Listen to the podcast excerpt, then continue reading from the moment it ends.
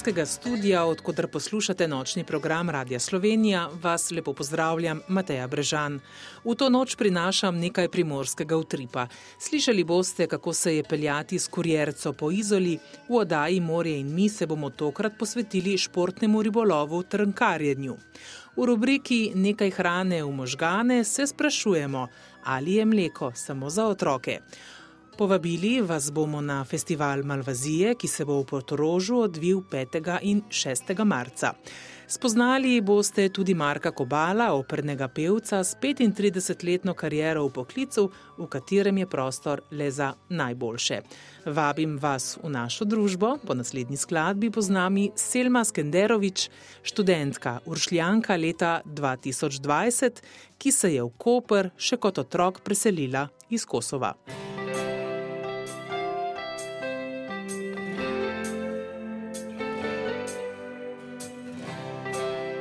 Gostja nocojšnje oddaje je Selma Skenderovič, večkrat nagrajena pisateljica in pesnica, koprčanka, hči Bošnjakov iz Črne Gore, rojena na Kosovu.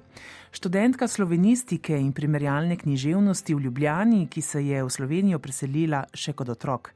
Kot najmlajša avtorica je Selma pri 19 letih zmagala na festivalu mlade literature Urška 2020 in svojim angažiranim pisanjem premagala skoraj 100 mladih literatov iz vse Slovenije in zamejstva. Leta 2021 je na to pri Javnem skladu za kulturne dejavnosti išla njena zbirka kratkih zgodb Zakaj močiš Hava, v kateri se avtorica ukvarja z vprašanji o družbi in veri, domu in tujstvu, identiteti, spregledanosti in pripadnosti. Knjiga je prevedena v črnogorski in angliški jezik, pred kratkim je šel še bosanski prevod. V antologiji sodobne slovenske kratke pripovedi mladih avtorjev in avtoric pa se je Selma Skenderovič spoprijela tudi z vlogo urednice. Selma Skenderovič, dober večer in dobrodošli pri nas. Najlepša hvala za vabilo. V teh dneh ste zelo zaposleni, kar vrstijo se pogovorni večeri in to po vsej Sloveniji. Zakaj močiš Hava je zbirka 15 kratkih zgodb, ki je takoj zbudila zanimanje literarne javnosti. Prva naklada je pošla v manj kot pol leta. Kmalu je bila ponatisnjena in predstavljate jo na številnih literarnih srečanjih. Kakšni so odzivi? Ja, imeli smo že kar veliko predstavitev, ponavadi skupaj s Suzano Tratnik, ki je bila moja mentorica pri uh, samem pisanju in izdaj, tako da so odzivi res različni, odvisno od publike, bom rekla.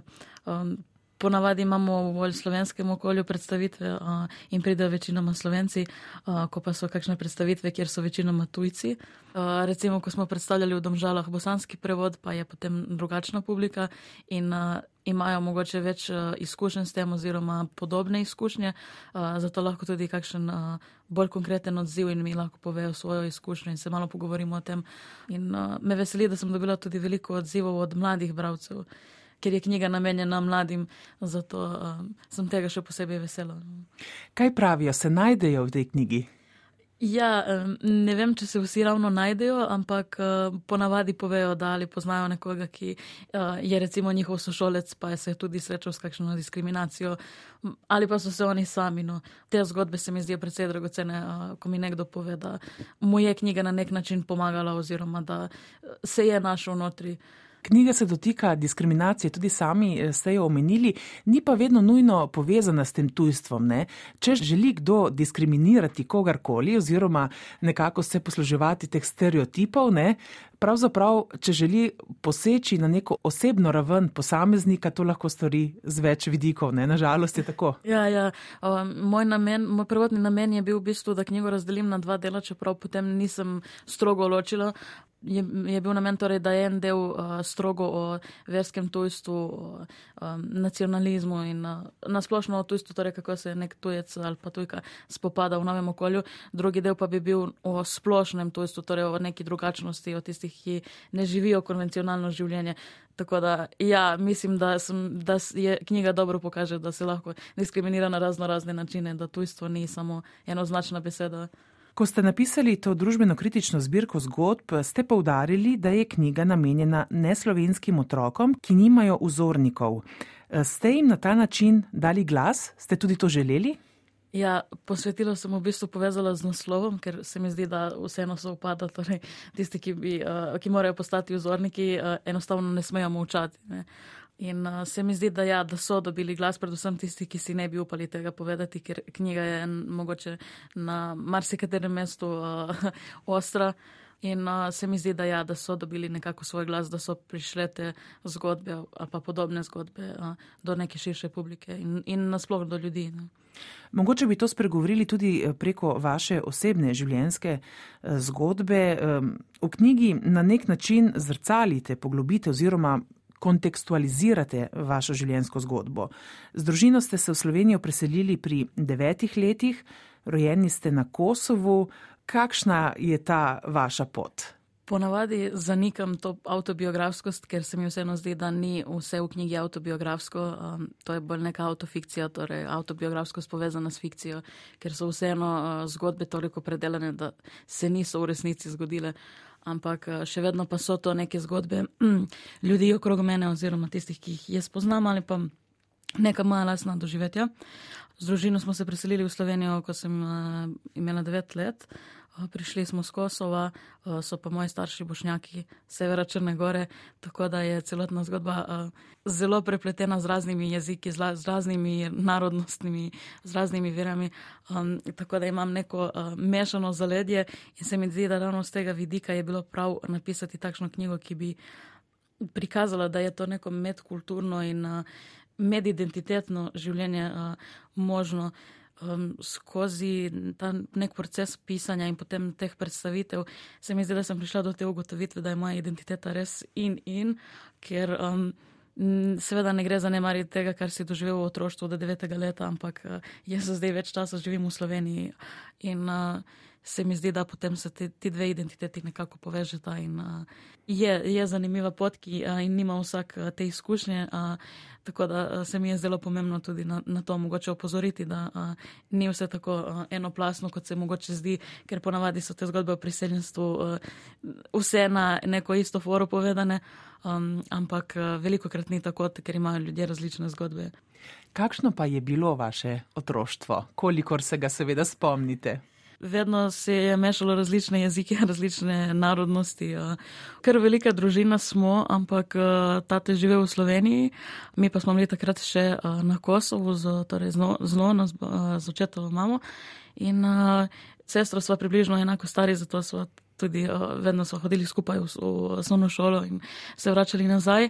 Ja, ampak že takrat sem imela neke ideje, da, da, neki, da se bom ukvarjala s knjigami. Sicer sem si takrat želela delati v knjižnici. Je bila ena ogromna knjižnica, res z ne vem, tremi nadstropi, mogoče še več. Ko smo imeli še te kartice, ko je knjižničarka pisala notri, uh, katero knjigo si si izposodil. In tega se spomnim, da smo vedno, vedno hodili v knjižnico. Ma mislim, da vsak drugi dan. Pa ni, ni bilo tako kratka pot od doma do knjižnice, ampak ja, najodveje pa vse sestro je vse zanimalo. Kakšne knjige ste izbirali v knjižnici? Uh, ra razne knjige, res. Uh, uh, tam smo imeli uh, v bistvu si takšen sistem, da smo morali čez poletje prebrati nek, uh, neke knjige, ki so bile na seznamu. To so bile recimo kakšne res. Uh, Tudi že zahtevnejše knjige, to niso bile slikanice, kot se recimo v Sloveniji bolj, bolj ali manj berejo v prvem, drugem in tretjem razredu. Uh, In smo potem morali v bistvu za oceno napisati eh, obnove tega ali pa že res nek spis. Zato mi je bilo presenetljivo, ko smo prišli v Slovenijo, eh, je knjižničarka, ker je mislila, da enostavno ne bomo razumeli oziroma da ne bom tako dobro prebrala tega v slovenščini in mi je potem prinašala res eh, Anice in Frančke in ker nekaj časa smo potem potrebovali, da je razumela, da lahko mi prinese tudi kakšno zahtevnejšo knjigo. Ampak ja, se to vse sodi pa v ta proces osvajanja jezika. Ne. Tako da ja, skozi knjige in književnost vedno se mi je to zdel dober sistem in dober način, da res usvojiš jezik. In prvi stik s slovenščino je, je bil tem, da je v bistvu teta od očeta nam je prinesla neke, zdaj se ne spomnim točno, mislim, da so neka kot slikanica, neke zgodbe so bile v glavnem notri in uh, sem poskušala to najprej brati na glas. Pa, vem, da so bile te težave pri bravu in izgovarjanju L. Um, in potem se mi je zdelo, kakšen jezik imajo to. Uh, ampak ja, potem se seveda navadiš ne? in potem tudi s tem stikom v šoli, s šolci, z učitelji, z vsemi, ko tudi dejansko moraš govoriti Pomagala vam je knjiga, skratka, ampak tu ste se srečali tudi z italijanskim jezikom. Ja, ja, z italijanščino. Uh, sicer um, naj me sestra mama že nekaj naučila, uh, nekaj osnovnih besed, ampak ja, prvi stik z, itali z italijanščino je bil tudi zanimiv. To je bil popolnoma drug jezik, uh, ki ga pa pač nismo imeli stika uh, s tem. Ampak uh, ja, imeli smo na začetku te dodatne ure, ko so se res uh, učiteljice večinoma potrudile, da smo nadoknadili tisto osnov, ki nisem usvojila do četrtega razreda. In potem se mi je zdelo toliko zanimivo, da sem si na maturi dejansko izbrala italijanščino. Tako da se da, mislim, da se res vse da, če se človek dovolj angažira. Seveda pa mislim, da tudi ni, uh, ni vse odvisno od učiteljev, da moraš tudi kar sam biti. Uh, Zauzeti za to in se dejansko potruditi, ker ni samo umevno, da boš nek, že četrti ali pa tretji jezik uh, usvojil dovolj dobro, da si dovolj samozavesten, da ga potem izbereš kot uh, predmet na maturi oziroma da se hočeš sploh s tem uh, ukvarjati. Tako da je na nek način ta priseljenska izkušnja in celoten proces odvisen tudi od vsake osebe, ne samo od okolja. Vedno, tudi, se mi zdi, da tudi v knjigi tako nekako, vsaj moj namen je bil to poudariti. No, to je z nami Selma Skenderovič. Pogovarjava se o tujstvu, bi lahko rekli, predvsem pa o dobri literaturi. Selma, pisati ste začeli, ko ste se z družino preselili v Slovenijo. Devet let ste imeli takrat. Je bilo pisanje neko sredstvo, prek katerega ste prevajali svoje čustva v neko realnost, v kateri ste se znašli? Vam je bilo morda s pisanjem tudi lažje? Mogoče je to čudna izkušnja, da nekdo, ki se je šele preselil, začne pisati v tem jeziku, v jeziku te države, v katero se je preselil. Bolj logično se mi zdi, da bi začela pisati v svojem maternem jeziku. Ampak po eni drugi strani pa se mi zdi, da, ja, da se je tisto, kar se mi je dogajalo, nekako. Um, Da je šlo iz mene potem uh, skozi pisanje, čeprav to res niso bile neke autobiografske zgodbe, to je bilo bolj uh, popolnoma fikcijsko pisanje, uh, ki mi je na nek način pomagalo, če ne drugega, vsaj pri učenju jezika.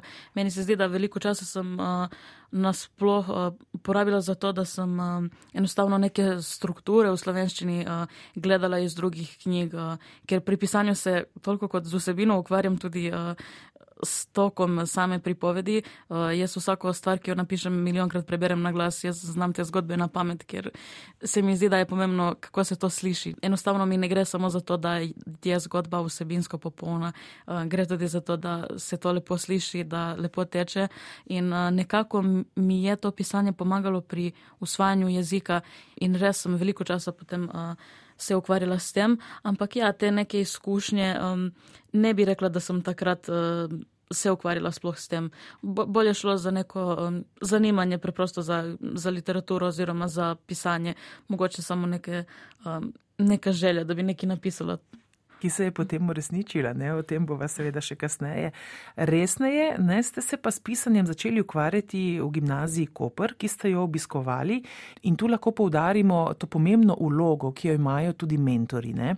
Uh, obiskovali ste literarni krožek tam pod mentorstvom pesnice in profesorice Ines Cergol, objavljali ste v glasilu Maestral, obenem ste pisali za spletno revijo CMK Magazine. V sodelovanju s Koperskim gledališčem ste pisali komentarje gledaliških predstav, nastopali ste na literarnih večerjih obalne Rime. Se tudi v osnovni šoli, še pred uh, gimnazijo, uh, smo imeli učitelje. To, mislim, niso bili mentori, ampak vseeno so bili učitelji, ki so na nek način pomagali pri tem, da če ne drugega, vsaj s kakšno lepo besedo in s tem, da nas niso takoj eh, zavrnili in rekli, da je to popolnoma slabo. Eh, zdaj se mi celo zdi, ko gledam za nazaj, da bi mogoče jaz bila bolj groba, ampak uh, oni so se pa res, no, predvsem učiteljice, so se res uh, potrudile, da to ni zvenelo uh, grobo in da te to ni. Uh, Potem, da to ni ustavilo od nekega tvojega ustvarjanja, ker sem jim jaz vedno nosila neke svoje začetke romanov, celo, ampak takrat seveda to, ni, to niso bili nekakšni dobri romani, to, to je verjetno njim uh, vsaj izgledalo slabo. Ne. Na gimnaziji pa ja, smo imeli literarni krožek, kjer smo se res bolj poglobili v samo literaturo, ker enostavno so tudi predavanja bila na višjem nivoju kot v osnovni šoli. In je profesorica Sergol potem delala z nami. Takoj, ko sem prišla na gimnazijo, sem prinesla en cel kup nekih besedil, pesmi, sploh ne vem niti kaj, kaj, kaj tisto, ne vem niti kaj sem napisala. In sem potem to prinesla profesorici, pa je od vsega tega izbrala, um, ne vem, se mi zdi, da je ne tri pesmi, to govorim, ko sem bila še v prvem letniku. Um, in se mi je že to zdelo super, da se je vsaj nekaj zdelo um, primerno, uh, ker vseeno so pa to bili še tisti, ki so bili starejši od mene, ne vem, četrti letniki, ko so res imeli že bolj razvit in slog in razmišljanje. Ne. Potem pa ja, uh, jaz sem ta brezimni obraz, ki je prva zgodba v knjigi uh, napisala konec drugega letnika. Tako da ogromna razlika je med prvim, drugim, tretjim, četrtim letnikom. Ampak je treba delati, ne? to ne pride samo od sebe. Ja, ja. Kako pri vas ta miselni tok poteka? Glede na to, da slovenščina ni vaš materni jezik? Mislim, da večino časa razmišljam v neki mešanici jezikov. Nekako, ko sem utrujena, potem začnem uh, govoriti in razmišljati o obeh jezikih, uh, v neki mešanici črnogoščine in slovenščine. Ampak uh, samo razmišljanje pa ne obremenjujem se s tem, ne razmišljam o tem, v katerem jeziku razmišljam. Enostavno, v katerem koli razmišljam, mi je v redu, ker ga razumem. Um, mislim, da je to ta lepa zadeva, ko si uh, ko razumeš in govoriš več jezikov, da se ti enostavno ni potrebno obremenjevati v kateri koli situaciji, kjer se boš znašel. To mi je tudi všeč pri jezikih, mogoče tudi ta študij uh, povezan s tem. Enostavno se mi ne zdi, da bi, jez, da bi te jezik moral omejevati v čemerkoli.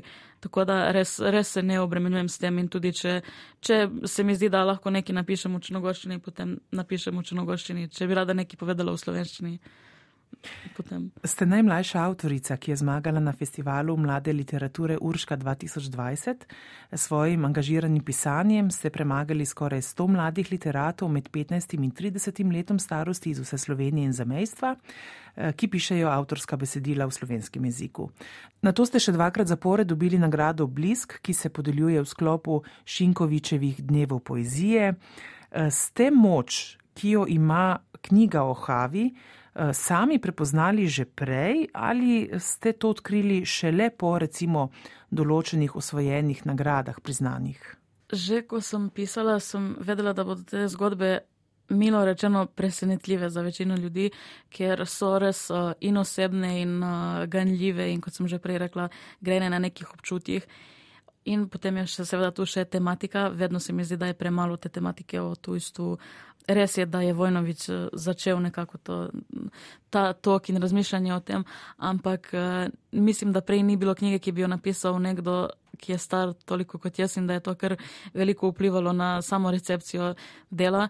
Ampak ja, ko sem pisala zgodbe, se mi je zdelo, da se bodo ljudje različno odzivali na to in da bom dobila kar uh, osebne reakcije, ker enostavno osebno pisanje tudi vzbudi takšne reakcije. Nis, nisem pričakovala, da, da bodo ljudje kar ravnodušni ob tem.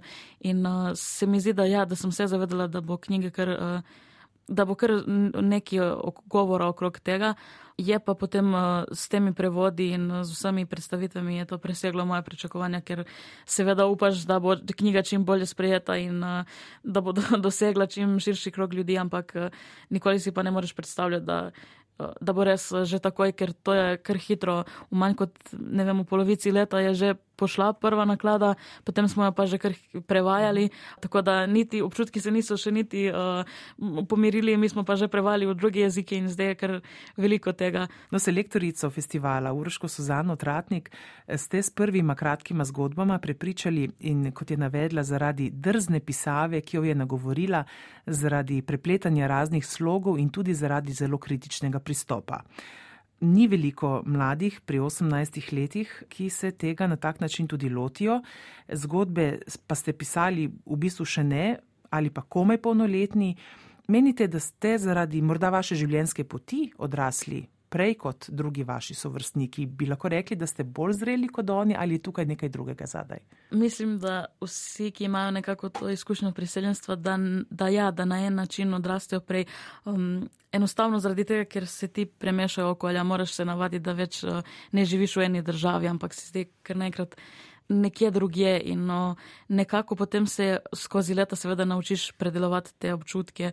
Medtem, ko so moji sošolci recimo imeli tukaj svoje stare starše, pa so šli k njim na kosilo, sem jaz vedno razmišljala, ja, jaz pa se ne morem kar tako odločiti, pa iti k svojim starim staršem, moram čakati celo leto, ne. Ali pa enostavno neke takšne um, dogodivščine, izkušnje, kako bi rekla, ne vem, recimo že od samih praznovanj in vsega tega. Lažje je, ko ti veš, da večina ljudi okrog tebe praznuje Božič in se lahko veseliš v tistem trenutku, oziroma niti ne veseliš, ampak enostavno veš, da so ti v tej družbi podobni in potem uh, si navajen na to in se nekako počutiš bolj udobno v tem, kot pa, ko ti preznuješ nekaj drugega in se enostavno ločiš že po nekih osnovnih uh, zadevah in potem si moraš, si že skoraj prisiljen iskati neke ljudi, ki so ti vsaj kolikor toliko podobni.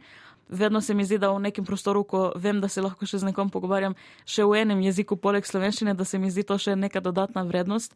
Tako da Ja, se mi zdi, da prej odrasteš, vsaj kar se tiče tega, potem pa je seveda tu tudi pisanje. Uh, mislim, da se s pisanjem res ne more ukvarjati kdorkoli, čeprav v zadnjem času vse ljudje mislijo, da so odlični pisci, pa nimajo res nobene podlage za to. Ampak nekako tudi potem skozi branje, skozi literaturo, spet se vračam na to temo, odrastiš tudi prej, ker tudi ko veliko bereš, enostavno nekako ti ostanejo te zgodbe iz knjig. Gre, pri branju ne gre samo za to, da bi ti bral te zgodbe, ker, ker ste dolgo časiš in nimaš kaj drugega delati, ampak vse te neke filozofske zamisli, ideje, vse literatura te tudi vzgaja in zato se mi zdi, da je potrebno brati, da to ni samo neka kot da gledaš nek uh, enostavno brezvezen film in se želiš sprostiti. Uh, nikoli nisem razumela literature na ta način, da je to branje, ker se jaz zdaj želim sprostiti. Ravno nasprotno, vedno berem zaradi tega, ker želim razmišljati o tem oziroma ker se želim poglobiti v neko temo. Širiti obzorje.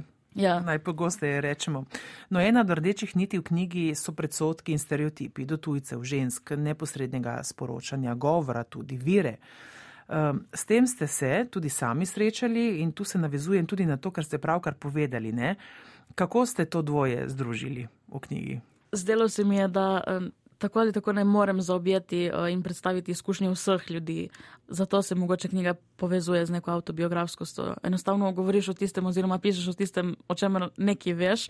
Um, nisem pa um, med samim pisanjem uh, želela na tak način. To je bila mogoče neka refleksija vsega, uh, ker se mi pa vseeno zdi, da ni, nisem, vsaj sama nisem še brala nekaj takega in res je knjiga specifično vezana na slovensko okolje, še celo na Koper. Zato se ljudem verjetno zdi blizu, oziroma da se to dejansko lahko zgodi, ker drugače je, kot ti bereš nekje v Ameriki, se je nekaj zgodilo in enostavno nisi povezan s tem. Tako pa, ko ljudje to preberijo in mogoče vidijo, da so, ne vem, napačno naglaševali muslimanska imena ali pa niso vedeli, kako se reče nekemu prazniku oziroma neki zadevi, ki jo opisujemo v knjigi, da se jim potem to zdi, a ja, jaz sem pa to delal na robe, mogoče zdaj lahko popravim. Tako da ni smisel knjige samo neko kritiziranje, ampak tudi no, nočem, da se knjiga jemlje kot priročnik. To me rahlo moti, ko potem rečejo, zdaj sem se pa nekaj naučil in zdaj bom to popravil. To, to ni priročnik za uh, ne vem, kako spoznati tujca, ampak uh, nekako se skozi zgodbe poskušati vsaj uživati v to situacijo nekoga, ki uh, ni drugačen sam, samo zaradi sebe, ampak je drugačen tudi glede na okolje. Stereotipi so seveda in predsotki povezani s tem, ni šlo brez tega, ker vsi imamo predsotke in stereotipe v vsem. Tako da se mi je zdelo uh, na ta način pomembno izpostaviti tudi to. Selma Skanderovič, v knjigi pišete o doživljanju tujstva, o tem, kako je biti tujec vedno nekaj nezadostnega in tudi razlog za zavrnitev. Zakaj? Moram reči, da na predstavitvah sem včasih dobila občutek, da nimamo vse iste izkušnje. In se strinjam s tem, in to je popolnoma legitimno, da vsi tujci ne doživljajo vsega na isti način. Ampak nekako mi je pa vedno presenetljivo, da nekateri sploh ne razmišljajo o tem. Bolj se mi zdi, da zavračajo nekako ta del, da so mogoče nekje bili nesprejeti oziroma diskriminirani. Meni se je enostavno zdelo, da je potrebno opozoriti na to. Um, mogoče bi bilo lažje podpisati o tem, kaj je bilo dobro, ker marsikaj je bilo dobro, ampak se mi je zdelo, da to, kar je bilo dobro, vsi vidijo in vejo za to, medtem ko te krivice, ki se dogajajo. Še posebej otrokom. Pisala sem z, iz vidika mladega dekleta, zaradi tega, ker se mi je zdelo, da nekako se nihče ne ukvarja s tem in da te ravno te neke začetne situacije, prvi trenutki izoblikujejo in ti potem to ostane zavedno, um, oziroma vpliva na, na tvoje odraščanje in na dojemanje okolice. In s tem se nihče ne ukvarja, ampak že z neko postavitvijo v odraslem svetu. Um, meni pa se je enostavno že v osnovni šoli zdelo, da imamo ljudje različne zgodbe in da nikjer to ne pride na plan, oziroma se vsak nekako drži svojega, in potem, če se res kaj izjemnega zgodi, se to sliši. Tako pa sem res dobila enkratno priložnost z zmago Nuški uh, da nekaj povem. In na, na začetku sem razmišljala o tem, bi, o čem bi jaz sploh pisala, ker to isto res ni bila neka tematika, s katero se jaz ukvarjam. Predtem uh, sem pisala pesmi in uh, res gledališke kritike in mogoče bolj uh, neke um, fant fantazijske zgodbe. Tako pa, ko so začeli na intervjujih vedno spraševati o tem, kako smo prišli v Slovenijo, uh, zakaj študiram slovenščino in tako naprej, se mi je zdelo, da enostavno sem dobila to super priložnost in da, da sem v takšni poziciji, um, v kateri ni veliko ljudi in da lahko nekaj povem o tem. In se mi je zdelo tudi to najboljše narediti, boljše kot da bi uh, govorila o neki presplošni temi. Se je pa potem to mogoče rahlo odrazilo potem. Uh, pri kritikah knjige, uh, ker res so se uh, kritik mogoče dol, lotili tisti, ki so tudi imeli kaj zapovedati o tem, ne kar vsak. Vem, da o knjigi tisti, ki jih enostavno to področje ne zanima oziroma nimajo kaj povedati o tem, da tudi ne morejo napisati kritike. Uh -huh. uh, tako da še vedno čakam na neko kritiko, ki bi jo mogoče napisal nek tujec o, oziroma neslovenec. Uh -huh. Zakaj so tujci, kot ste nekako navedli, nezadostni oziroma okolje, v katerega pridejo, jim daje ta občutek nezadostnosti? Verjetno zaradi različnih razlogov. Meni se je nekako, vedno se mi, še vedno se mi zdi, da je veliko tega, te diskriminacije in predsotkov povezano uh, samo vero, ne, ne toliko s tem, da uh, smo mi tujci, ampak bolj s tem, da smo mi muslimani vedno, ko se tako nekako primerjam nas, Srbi, z Makedonci oziroma s komorkoli drugim, se mi nekako zdi, da, ja, da v eni točki so mogoče tudi prazniki, recimo povezani, ja, praznujejo uh, na, na drugih datumih, ampak vseeno praznujejo Božič oziroma Veliko noč in tako naprej. Mi pa imamo že čisto drugačno postavitev uh, praznikov, tudi nekih vrednot, mogoče se to ne vidi tako um, na vzven, čeprav se mi še vedno zdi, da se, da se vidi, ampak uh, je drugače in veliko tega je odvisno tudi od tega, kako si bil vzgajan. Um, Vse niso vsi tujci isti. Meni se zdi, da veliko tega prihaja že iz nekega družinskega okolja. Recimo tisti, ki nimajo vrednote jezika, se niti ne potrudijo naučiti. Uh, V do, dobri meri uh, govoriti slovensko, in potem se to tudi odraža naprej v njihovem življenju. Meni se pa enostavno zdi, da je neumno živeti v neki državi več kot 30 let in še vedno uh, govori tako zelo slabo, da te nihče ne razume oziroma se sploh ne potrudi. Recimo že to, zakaj so pa diskriminirani, ne vem, verjetno odvisno od tega, kakšne vrste tujec si. Tudi med državami je ogromno razlik. Vem, da so potem tudi prihajali sošolci, ne vem, Slovaške ali pa iz Albanije in vedno so bile te neke različne meje, kdo je zares tujec. Ampak ja, čim več skupnega imaš, se mi zdi, da se nekako več bolj povežeš. Kdaj pa nehaš biti tujec, če sploh? Ne vem, meni se zdaj zdi s preselitvijo v Ljubljano, da tudi tam uh, nisem doma. Mislim, da je to mogoče bolj povezano z nečim, kar si ti ustvariš v neki državi. Pa ne mislim samo z nekimi materialnimi zadevami, da si kupiš stanovanje ali pa hišo. Bolj se mi zdi, da se nekako navadiš na to celotno situacijo. Mogoče pred izidom knjige se mi je res zdelo. Ja, jaz bom pa tukaj res vedno tujka in to, to se ne more spremeniti. Ampak zdaj, ko nekako vidim, da je možno se povezati v Sloveniji uh, in z drugimi muslimani in z bošnjaki in z vsemi drugimi se mi nekako zdi, da ja, sej ni vse tako uh, enostransko in sej ni vse tako oddaljeno od nas. Ne vem, mislim, da ljudje imajo veliko krat občutek, da smo si toliko različni, da se sploh ni vredno truditi. Ampak v resnici pa, če bi se potrudili sploh razumeti nekoga drugega in se postaviti v njegovo kožo, da bi to izgledalo čisto drugače. Niti morajo biti prepletene, ne? Ja. tukaj ne more samo eden uh, narediti vsega. Ja. Vsak uh, svoje strani nekaj, kar kar lahko in to bo lahko naredil samo, če bo dobro razumel oziroma vse poskušal razumeti. Ne? Hava pravi v knjigi Zakaj močiš Hava, da se ne bi poročila slovencem in dala otroku ime, naprimer Mateuš. Po drugi strani bi bila rada Viktorija, ko bo velika. Uh, Have, Adnani, Ibrahimi, tako je ime njenemu bratu, morajo razlagati, odkot imena, kaj pomenijo, naprimer Nežam in Viktorijam pa tega ni treba, pišete v knjigi. O identiteti razmišljate zelo široko in um, jezik je tudi zelo slikovit, neposreden, v določenih delih precej surov. Ste uh, to namenoma takole zapisali, uporabili? Ja, ja. popolnoma namenoma. Uh, moj prvotni cilj v pisanju je, da pišem ja, tako kot govorim, ampak ne tako kot izgovarjam. Uh, v, torej, naracija se mi zdi, da mora biti taka, da je blizu ljudem in uh, kar je blizu ljudem, se mi zdi, da je nek način uh, govora. Torej, jaz imam zelo kratke povedi, ki res hitro tečejo v knjigi in je knjigo možno prebrati v uri in pol, v dveh urah, uh, tisti, ki hitro berejo. Se strinjam, lahko potrdim. ja, uh, tako da ja, uh, sem namenoma ampak eh, glede teh imen, mislim, da skoraj v vsaki zgodbi je nekaj o imenih. Enostavno že na tej ravni Hava, ki je v bistvu Eva, in koliko tega je odvisno od tega, kako ti je ime, ker res neko havo bi pa res ustavljali in jo spraševali, in zakaj je tako ime in kako se to izgovori, in bi napačno naglaševali, medtem ko Eva je pa vsem znano. Ne? In ne samo v Sloveniji, zdi se mi, da tudi uh, drugo, če, če že govorimo, mogoče tudi v Bosni, uh, možno, da je Eva tudi bolj. Uh, pogosto ime kot pa Hava, ker Hava je res uh, redko ime, ki se ne uporablja. Sem pa vesela, da sem sploh to idejo dobila, uh, da je Hava Eva. To se mi je zelo res, uh, res povedno v knjigi in v sami zgodbi. Um, ampak ja, zdi se mi, da um, je pomembno tudi to ime je neki prvega, kar ljudje slišijo o tebi, in uh, že na podlagi tega si ustvarijo um, neko celotno zgodbo. Potem pa poznam tudi primere, uh, ko jim uh, že celo življenje napačno naglašujejo ime. Uh, in to se mi recimo zdi, da se pa res v teh situacijah počutiš kot tujec, če nekdo, tvoji sodelavci, ne vem, sošolci. Uh, Ljudje, ki jih poznaš, napačno naglašujejo tvoje ime in ti jih niti se ne potrudiš jih popraviti, ker ja, pa oni se ne morejo tega naučiti, pa to je za njih pretežko. Pa bi bilo mm. dobro, da bi?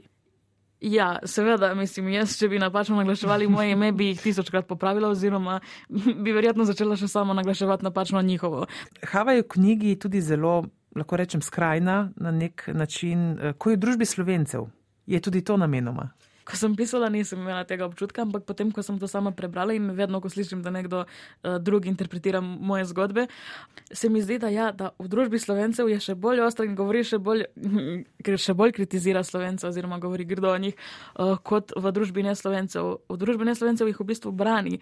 In tukaj se mi zdi, da je to bistvo knjige, da ona se nekako poskuša uh, vključiti v slovensko družbo, ki jo uh, diskriminira in jo nekako zavrača, ampak potem tudi v svoji družbi doma poskuša narediti neko spremembo, ker mogoče to veliko krat izgleda nasplošno pri priseljencih, da se sploh ne trudijo in da samo se grejo neki po svoje in uh, oni na glas govorijo o svojem jeziku in glej, tukaj se niti ne potrudijo, ampak nikoli se ne ve, kaj se dogaja v bistvu doma. Uh, poznam veliko tujcev, ki tudi doma poskušajo spremeniti situacijo, še posebej nas mlajših, ker se nam večinoma zdi, da ni potrebno ustrajati pri nekih tradicionalnih vzorcih eh, obnašanja, ne?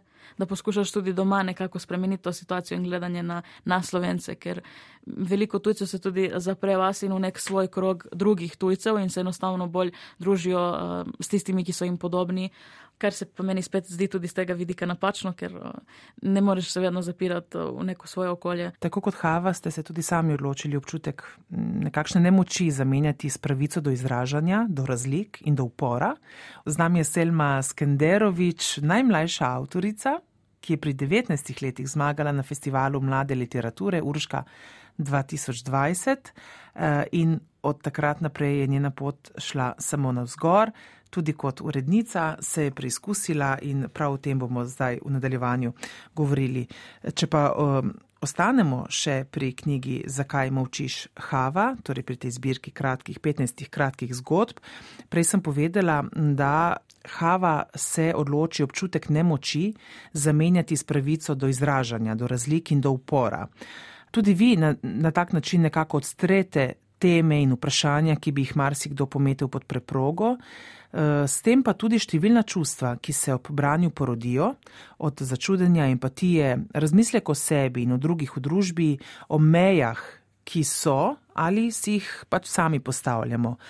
Nekako si ob branju ne želimo le bolj razumevajoče družbe, ampak smo mogoče na neki točki pripravljeni za to tudi konkretneje ukrepati. Eh, torej, nekako bi rekli, misli bravca se ob branju ne izpojejo, ampak dejansko se šele začne vse dogajati. Ne?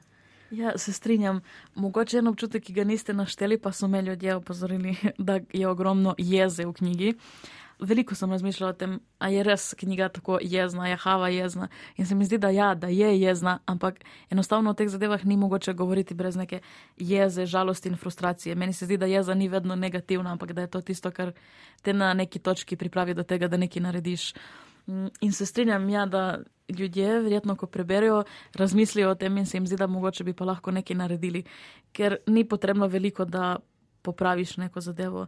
Meni se zdi, da ogromno teh stvari, uh, so, o katerih smo že prej govorili, uh, naglaševanje imen, uh, zanimanje o nekem prazniku, pa karkoli takega, da je to zelo hitro možno popraviti. In, uh, Jaz osebno, recimo, sem vedno vesela, ko mi nekdo uh, čestita Bajram. Vem, da tega ne praznuje uh, in da se je dejansko potrudila ta oseba zapomniti to, oziroma ve, da, da bom to ocenila, oziroma da mi bo to všeč. Tako da mislim, da ogromno stvari je možno narediti potem, ko prebereš knjigo. Tudi, če ne narediš nič, ampak si naslednjič, ko nekoga vidiš, ga ne obsodiš takoj, glede na to, da na podlagi tega, da ne zna tako zelo dobro izgovarjati, oziroma karkoli takega. Tako da se, bi se strinjala, ja, da je možno ukrepati na razno razne načine, potem, ko prebereš.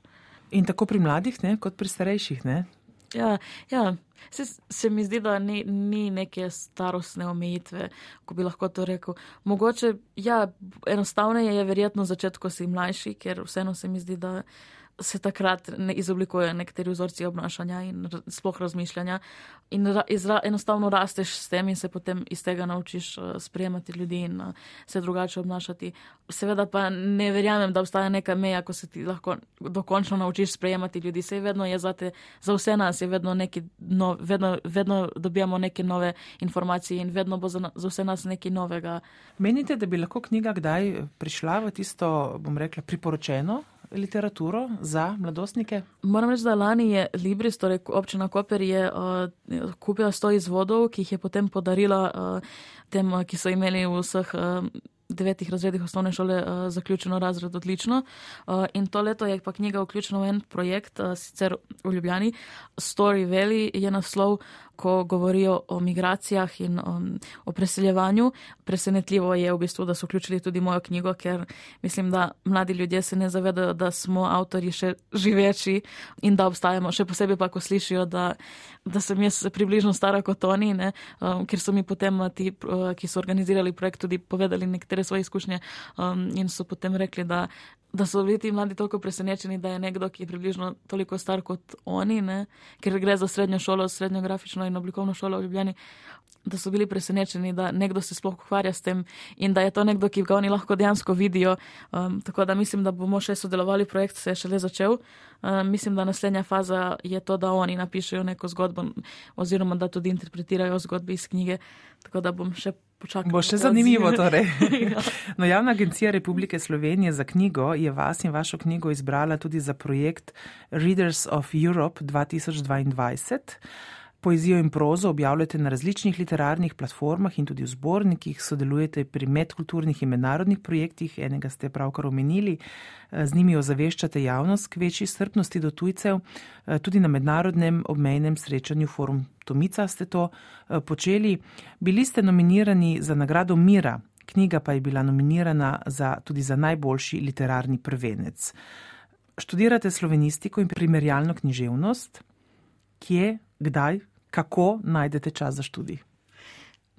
To zdaj mu bo mogoče zvenelo malo uh, grdo, ampak študij je za me bolj neka obštudijska dejavnost. Glede na vse, kar moram narediti, oziroma s čim se, se ukvarjam, mi potem ostane res. Um, precej malo časa, poleg predavanj in uh, izpitov in vsega, vsega, kar moram narediti, mi ostane malo časa za neke stvari, ki bi jih mogoče rada poglobila.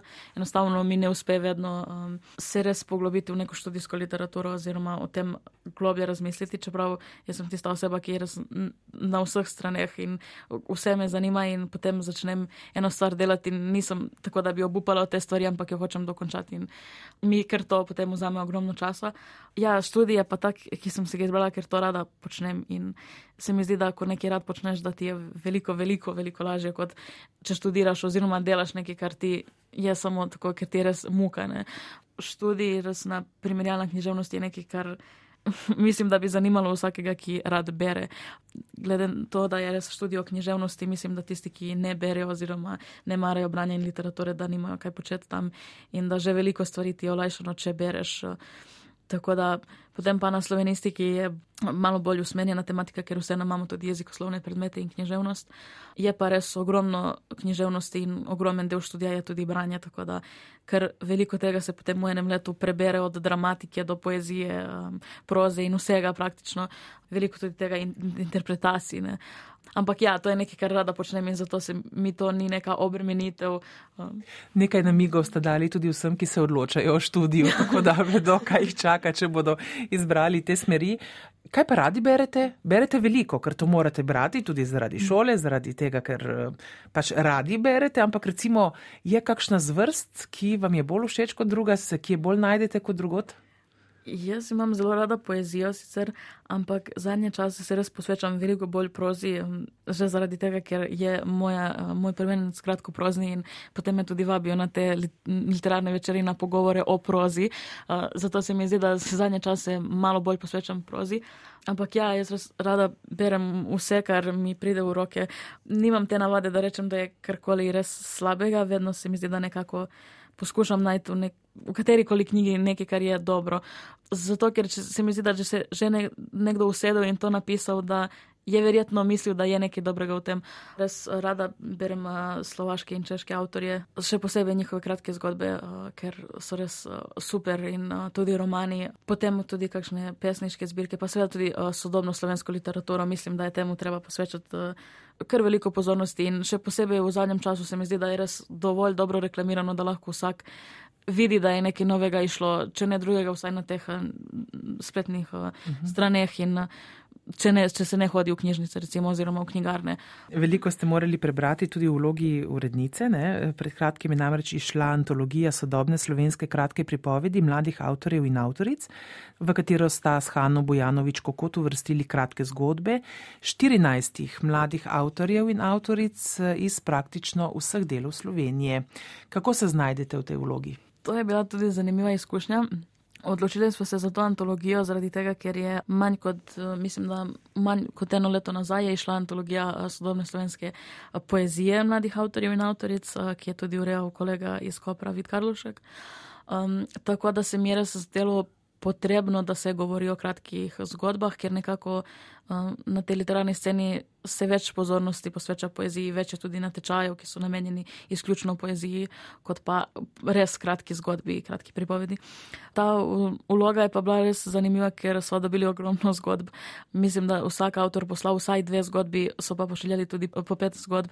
Tako da je, mislim, da nek nabor na koncu je bil nekje okrog sto zgodb, mogoče malo več niso bile vse dobre. To so tudi avtori, ki so komaj končali srednjo šolo, ker je bil to namen, torej mladi avtori in pisanje mladih. To, to moram povdariti, ker tudi mladi težko pridejo do izlasne izdaje knjige. In nekako več kot imajo teh objav v revijah ali pa v nekih zbornikih, antologijah, da imajo potem več priložnosti tudi za izdajo, ker so ljudje že slišali za njih, če ne drugega, prek nekih predstavitev. Predstavitev antologije bo 23. marca v Kopru. Tako da, ja, to, to urejanje pa je tudi bilo zanimivo. Odločila smo se nekako za rdečo nit o, o tem, o, o čem razmišljajo mladi. Zato tudi naslov Polževi razmisleki, ker so ti naši razmisleki včasih. Uh, počasni, uh, slinasti in uh, mogoče za koga dolgočasni, ampak vseeno dovolj pomembni, uh, da nastanejo očitno zgodbe o tem. In res je ogromno nekih tematik, uh, od tega, kako se mladi spopadamo uh, z najemninami, uh, z iskanjem stanovanja, potem uh, tudi z nekimi osebnimi odnosi, smrtjo in z drugimi zadevami. Tako da je, mis, jaz mislim, da je. Tudi to je način, da jih slišimo, ne mlade. Ja, ja, zato so tudi nekako potem izbrali to. Zdaj se sicer ukvarjamo že s predstavitvami, se, ker smo iz res različnih delov, se menimo tudi uh, uh -huh. za različne konce, ker to je bil nekako tudi namen, da bi uh, prišli v stik z mladimi ljudmi, ne, ne samo uh, starejšo generacijo. Vedno na literarnih večerjih pogrešam več mladih. Uh, ker te zgodbe bi se morali njih dotikati, oziroma morali bi videti, da, kot sem že prej govorila, da avtori in avtorice obstajamo in da se lahko z nami pogovorijo. Uh, tako da bomo res poskušali priti do njih. Je kakšno ime, za katero uh, bi, oziroma avtor, avtorica, za katero ste imeli občutek, imate občutek o njej, o njem bomo še veliko slišali? Ja, zanimivo je to, da imajo nekateri avtorji že svoje pesniške zbirke, tokrat so se pa uh, odločili za kratko prozo. Aleks Kamadevitak je zdaj že izdal svojo, svoj kratkoprozni prvenec nedaleč, se bo veliko slišalo in tudi se že sliši, ker se veliko piše. Mislim, da o vseh teh avtorjih da se je že veliko slišalo, da sploh ni vprašanje, ali se bo slišalo. Vsak potrebuje nek svoj čas in neko svojo nišo pisanja, ampak eh, to so že avtori, ki so objavljali tudi na teh literarnih eh, straneh in eh, v nekih zbornikih in na platformah. Tako da ja, če se človek potrudi, ima možnost enostavno nekje objaviti. Vedno je to vprašanje, kako naj mladi začnejo pisati oziroma kako naj sploh se vključijo v to neko sceno meni se zdi, da je treba biti kar samo inicijativen. Sej uh, obstajajo spletne strani, na katerih so že in, in ena slovi in vse živo, ko lahko stopiš v stik z urednikom, že ne samo z nekom, ki je nek posrednik, ampak če ti pošleš to zgodbo, jo bo nekdo prebral. To ne zgleda tako, da se te zgodbe samo nekje nabirajo. Res pa je, da potem ti tudi takšni večji natečaji, kot je Urška ali pa ne vem, Veroni, Mala Veronika, Župančeva Frulica in tako dalje, da so ti neki natečaji ko se jih je dobro udeležiti, ne samo zaradi tega, da bi zmagal, ampak mogoče tudi zaradi tega, da se spoznaš z nekom in se enostavno ustvariš neko zaledje, ko lahko ti nekomu pošlješ svoje prve zgodbe, pa prve pesmi, ker mislim, da je za mlade še posebej mhm. zelo koristno dobiti odziv. Vsaj jaz sem, jaz sem vedno sicer brala svoje zgodbe sestri, ki se ne ukvarja z literaturo, ampak uh, ona je bila vedno nek prvi bralec. Prvi bralec. Ja, ja. oziroma poslušalec. Ampak ja, se mi zdi, da je zelo pomembno res dobiti uh, odziv od nekoga. Selma Skanderovič, najlepša hvala, veliko vsega dobrega, lepega vam želim na vaših, eh, ne bom rekla poti, ampak kar poteh. Srečno tudi pri študiju, pa se verjamem, da kmalo spet srečamo. Hvala.